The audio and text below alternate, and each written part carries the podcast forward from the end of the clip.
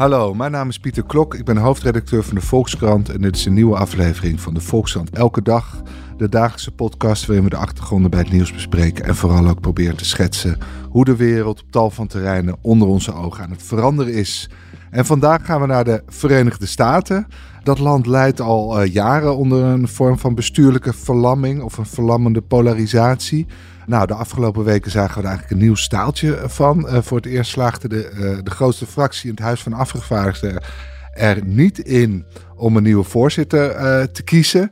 Daar gaan we uitgebreid over praten met uh, Maral Norshat Sherifi, onze correspondent. Welkom Maral. Hallo Pieter. Ik wil toch maar gewoon bij het begin beginnen. Uh, wat hebben we hier nu precies gezien? Er waren maar liefst 15 stemrondes nodig om Kevin McCarthy uiteindelijk te verkiezen als leider van de Republikeinen in het Huis van Afgevaardigden.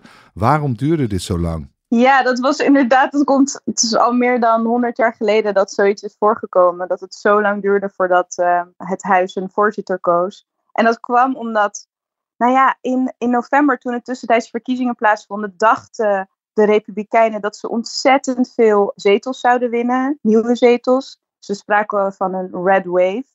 Maar die viel eigenlijk best wel tegen. Dus ze hebben wel meerderheid uh, in het Huis van Afgevaardigden in het parlement. Maar die meerderheid is best wel mid. Dus dat betekent dat eigenlijk alle republikeinen, bijna allemaal, zich achter één persoon moeten scharen.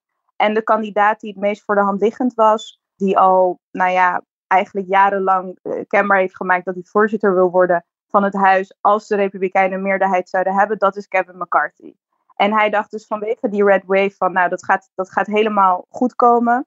Uh, hij wist ook wel dat er een groepje was in zijn partij die hem daar liever niet had uh, willen zien zitten. Maar die zouden niet genoeg invloed hebben. En die hebben ze nu alsnog. Ja, want hoe groot was dat groepje uiteindelijk wat hem niet zag zitten? Ja, dat, ga, dat zijn iets van vijf, zes mensen.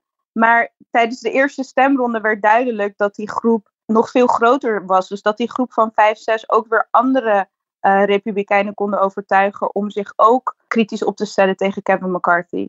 Dus de groep bleek ineens veel groter te zijn. En wat zijn dat voor types? Dat zijn ultraconservatieve leden van de Freedom Caucus. Dat is een, uh, een uitersrechtse fractie binnen de Republikeinse Partij.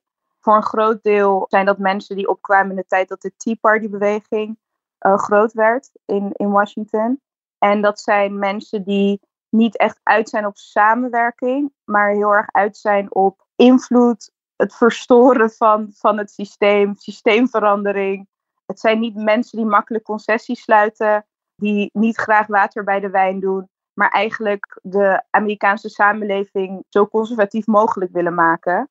En um, ja, dat was dus de groep waar Kevin McCarthy het meeste last van had. Maar dan heb je het over christelijk conservatief Amerika. Ja. En hadden ze dan nog concrete eisen uh, die ze stelden om in te stemmen met zijn uh, kandidatuur? Ja, de belangrijkste eis die ze hadden was eigenlijk dat Kevin McCarthy meteen al een groot deel van zijn uh, macht zou inleveren. Tot volgende week kon je een soort motie van wantrouwen indienen tegen de voorzitter. Maar degene die dat moest indienen, moest wel een soort een leiderschapspositie hebben in de partij. En wat zij hebben afgedwongen, is dat ieder congreslid, dus iedere republikein, die zou op ieder moment kunnen zeggen van ik vind dat we een, een stemming moeten houden over Kevin McCarthy. Want uh, we vinden eigenlijk dat hij niet goed bezig is. En als een meerderheid het daar dan mee eens is, kan hij in hele korte tijd worden afgezet. Kevin McCarthy heeft uiteindelijk is hij hiermee ingestemd.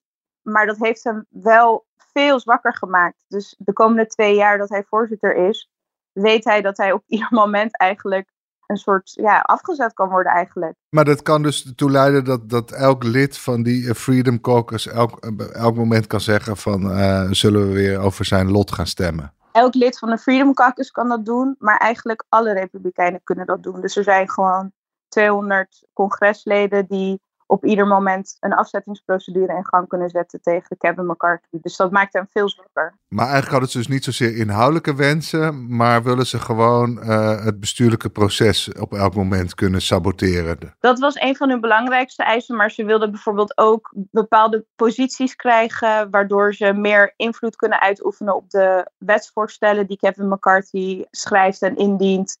En uh, ze wilden bepaalde posities in politieke commissies dus op allerlei manieren proberen ze gewoon meer invloed uit te oefenen op, op het voorzitterschap van, van Kevin McCarthy. En is dat ook gehonoreerd? Zeker, ja. Hij heeft met heel veel concessies ingestemd. En er zijn ook nog concessies gedaan die wij allemaal niet weten, die, die niet bekend zijn gemaakt. Die zijn achter uh, gesloten deuren gesloten. Dus we weten dus nog niet helemaal uh, zeker wat er allemaal is afgesproken. Dat weten de Amerikaanse journalisten hier ook niet. Oké, maar het is dus eigenlijk, dat zijn ze met een, een man of twintig of misschien nog wel minder, zes. Uh, de Never Kevins werden ze volgens mij genoemd. Een, een klein groepje congresleden heeft nu enorm veel macht naar zich toegetrokken eigenlijk in, in uh, gaande uh, deze onderhandelingen. Ja, precies. En het is een groep mensen waar we de komende twee jaar dus nog veel van gaan horen. Ja, en, en speelde Trump nu ook nog een rol in, in op de achtergrond in dit drama? Absoluut. Kijk, uh, Trump die heeft vanaf het begin al zijn steun uitgesproken van, voor Kevin McCarthy als uh, leider van, van het Huis van Afgevaardigden. Maar een deel van die dwarsliggers, dat zijn ook allemaal vrienden van Trump. En dat werd dus interessant dat je op een gegeven moment ging zien van, goh, wat gaan ze doen? Gaan ze het advies van Trump opvolgen of niet? En wat vorige week interessant was, het feit dat het, nou ja, het duurde dus 15 stemrondes voordat hij verkozen werd uiteindelijk. En dat liet dus ook wel zien dat er een groep is die niet meer meteen luistert naar, naar wat Trump zegt. In de allerlaatste stemronde lukte het hem om een meerderheid te behalen, Kevin McCarthy, omdat Trump nog een laatste telefoontje voerde met Matt Gates, een van die dwarsliggers, en hem zo toch kon overtuigen. Dus aan de ene kant zie je dat, zijn dat hij nog heel invloedrijk is, Donald Trump. Aan de andere kant zie je dat ze dus ook niet meer meteen automatisch zijn orders opvolgen. Dat was ook een interessante les uit uh, de ontwikkelingen van voor afgelopen week. Maar hoe verklaar je dat Trump zich hier toch uh, zo uh, braaf in heeft opgesteld? En die houdt toch ook altijd van ontregelen, maximaal ontregelen. In de hoop dat dat hem zoveel mogelijk populariteit oplevert. Waarom heeft hij McCarthy wel van begin tot eind gesteund? Omdat Kevin McCarthy Donald Trump ook heel vaak heeft gesteund. Na de presidentsverkiezingen van 2020 is Kevin McCarthy op Fox News gegaan. Heeft hij de verkiezingsleugen van Donald Trump verkondigd. Gezegd dat hij wel de echte winnaar was van de verkiezingen. Er zijn allerlei momenten geweest waarop Kevin McCarthy er voor Donald Trump was. En Donald Trump die weet zelf ook wel dat er geen andere republikeinse kandidaat is, ook niet in die Freedom Caucus, die genoeg steun kan krijgen van de hele Republikeinse partij in het huis om voorzitter te worden. Dus eigenlijk heeft hij een, daar een Republikein zitten die op heel veel belangrijke momenten heeft hij Donald Trump gesteund, terwijl andere Republikeinen hem lieten vallen. En misschien is het geen christennationalist, zoals die Freedom Caucus leden wel zijn, maar nog steeds heeft hij een, aan hem een vriend die op papier de machtigste republikein van het land is. Dus ja, hij, hij, heeft, hij heeft ook heel veel aan Kevin McCarthy gehad. En ook als hij dus huisvoorzitter wordt, zal hij veel aan hem hebben de komende jaren. Ja, en hoe werkt het andersom? Want uh, we hadden uh, gisteren een cover in de krant, de cover van het jaar, waarin een hele eenzame Trump uh, werd afgebeeld. En dat verwees naar een verhaal uh, waarin werd beschreven dat het toch steeds uh, uh, stiller wordt rondom Trump. Dat, dat er steeds minder republikeinen zijn die naar hem luisteren of die hem steunen. waarom blijft McCarthy hem wel omarmen? Er zijn steeds minder republikeinen die hem steunen. dat klopt absoluut. Maar nog steeds zijn er zoveel kiezers die loyaal zijn aan Donald Trump. Dat het voor Kevin McCarthy nog steeds niet interessant is om hem te laten vallen je ziet wel dat, uh, dat zijn populariteit afneemt, maar dat gaat met enkele. Volgens mij zijn ongeveer 70% van de Republikeinen die zien Donald Trump nog wel zitten. En misschien dat dat de afgelopen weken, maanden 68% is geworden. Maar alsnog steunen de meerderheid van de Republikeinse kiezers Donald Trump. En zolang dat blijft, zal Kevin McCarthy zich ook achter uh, Trump scharen. Goed, jij was uh, deze week in het uh, congres, uh, dus je kon van nabij zien hoe, hoe McCar McCarthy het deed. Hoe, hoe, is het voor hem verlopen? Nou ja, hij heeft een hele goede week gehad. Afgelopen week was hij, hij zag er best wel verdrietig bij. Hij lachte wel, maar het kwam niet echt gemeend over. Het was teleurstelling na teleurstelling. Ik bedoel, hij schaamde zich. omdat hij steeds maar weer niet genoeg stemmen rondkreeg van zijn eigen partijgenoten. Niet genoeg steun kreeg. En deze week loopt hij een stuk zelfverzekerder door de debatzaal. ja, je hoort hem ook ineens boven uh, andere mensen. Meteen in de eerste week wilde hij natuurlijk laten zien van vorige week hebben we stilgezeten, maar deze week gaan we aan de Amerikanen laten zien dat we echt, dat we echt wel plannen hebben en dat we die ook aangenomen kunnen krijgen in het huis met onze nieuwe meerderheid. Op maandag hebben ze een, een nieuw pakket met allemaal regels uh, aangenomen. Nou, een van die regels is dus dat hij minder macht heeft de komende twee jaar. Er is een commissie in het leven geroepen op dinsdag. De afgelopen jaren zijn er allemaal onderzoeken gestart naar Donald Trump. Er is een, uh, een commissie geweest in het huis die um, onderzoek ging doen naar de invloed van Donald Trump in de kapitoolbestorming, de rol die hij daarin speelde. Er zijn al allerlei strafrechtelijke onderzoeken gestart naar Donald Trump vanwege zijn rol in die bestorming, maar ook vanwege de um, geheime documenten die er in zijn huis zijn gevonden. En wat deze onderzoekcommissie wil doen, die zegt dus van de federale overheid, die is allerlei conservatieve mensen aan het onderzoeken. En daar hebben ze helemaal geen reden voor. En uh, dit is een heksenjacht. En wat wij nu gaan doen, is een onderzoek starten naar de FBI en het ministerie van Justitie en de overheid om te zien of zij bepaalde conservatieve um, stemmen aan het um, inperken zijn met al die onderzoeken. Dus eigenlijk willen ze een onderzoek starten naar hun onderzoekers. Dus het onderzoek naar het Trump-onderzoek, om, omdat ze het vermoeden hebben dat uh, uh, linkse rechters uh, rechtse republikeinen proberen kalt te stellen. Als je McCarthy verder aan het werk ziet, heb je het gevoel dat die rebellerende republikeinen hem nog steeds aan het touwtje hebben? Of, of kan hij wel redelijk zelfstandig zijn werk doen nu? Nee, ik denk dat hij ze zoveel belof beloftes heeft gedaan. Dat die rebellerende uh, republikeinen eigenlijk best wel tevreden zijn met, uh, met afgelopen week. Je ziet wel dat er nog steeds veel frustratie is onderling. Ook vanuit de meer gematigde republikeinen die echt boos zijn dat, dat het zo lang heeft moeten duren. En misschien ook wel boos zijn dat Kevin McCarthy zoveel concessies heeft gedaan aan deze groep. Dus ze zijn bang van, oh god, de komende twee jaar uh, gaan we veel van ze horen. En uh, daar kijkt niet iedereen naar uit. Niet alleen democraten hebben daar geen zin in, maar een deel van de republikeinen ook niet. Maar hij, het belangrijkste voor hem was om deze positie te krijgen. En dat is hem gelukt. En dat, dat merk je wel dat hij nu gewoon met een um, blij kop door, door uh, de debatzaal loopt. Wat heeft dit nou, deze ruzie nou uiteindelijk voor de Republikeinse Partij uh, betekend? Uh, hoe, hoe kijken kiezers hiernaar?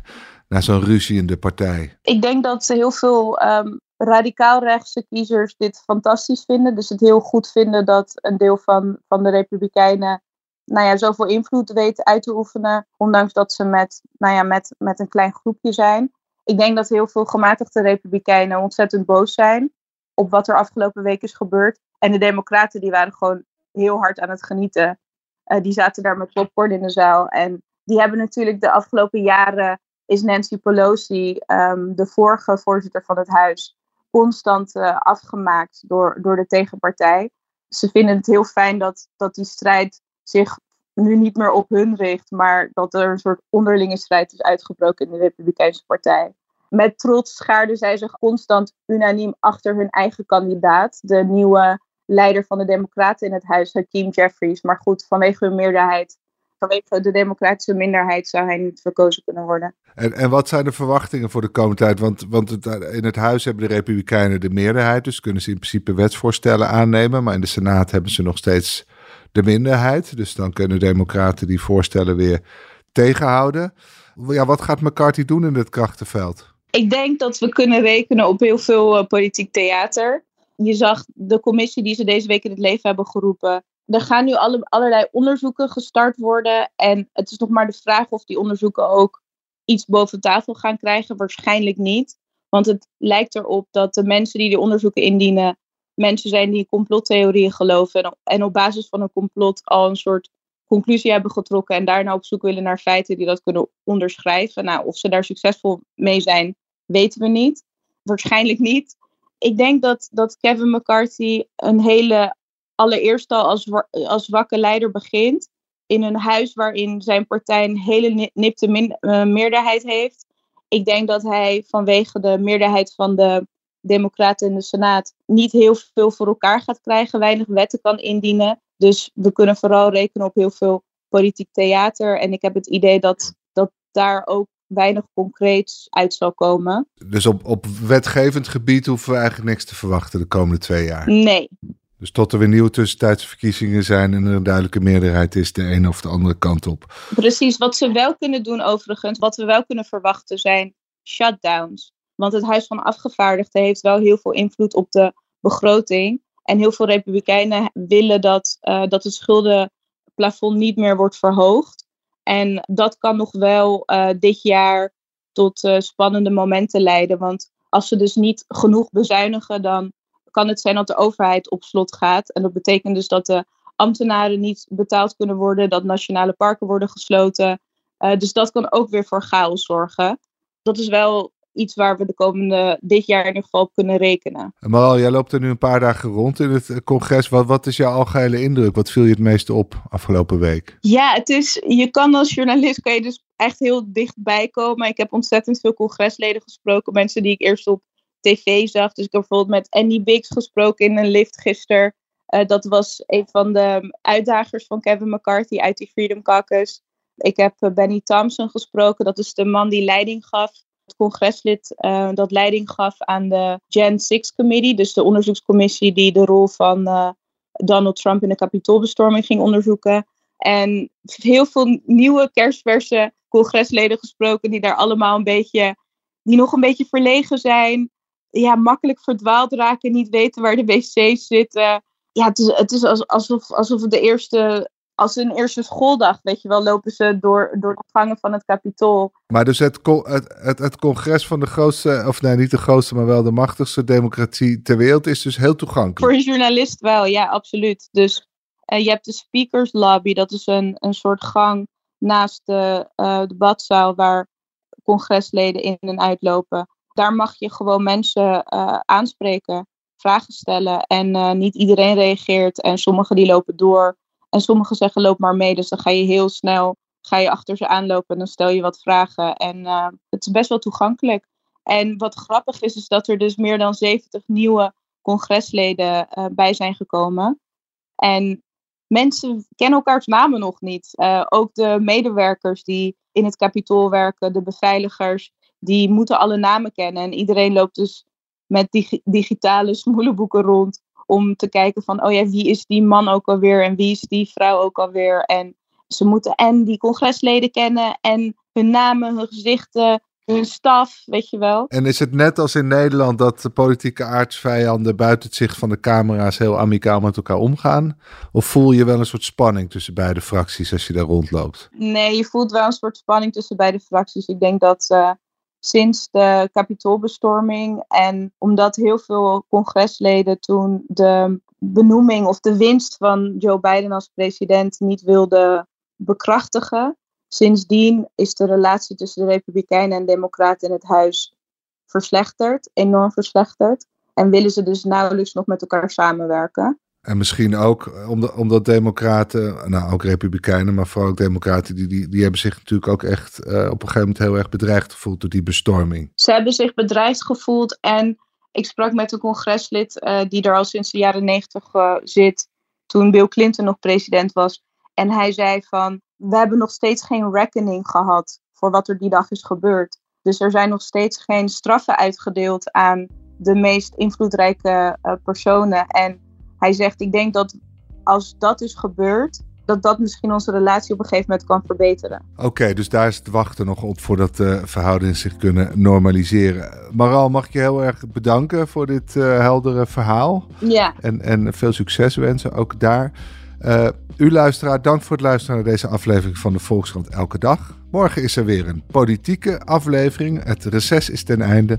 De presentatie is dan zoals altijd in handen van Gijs Groenteman. Graag tot dan.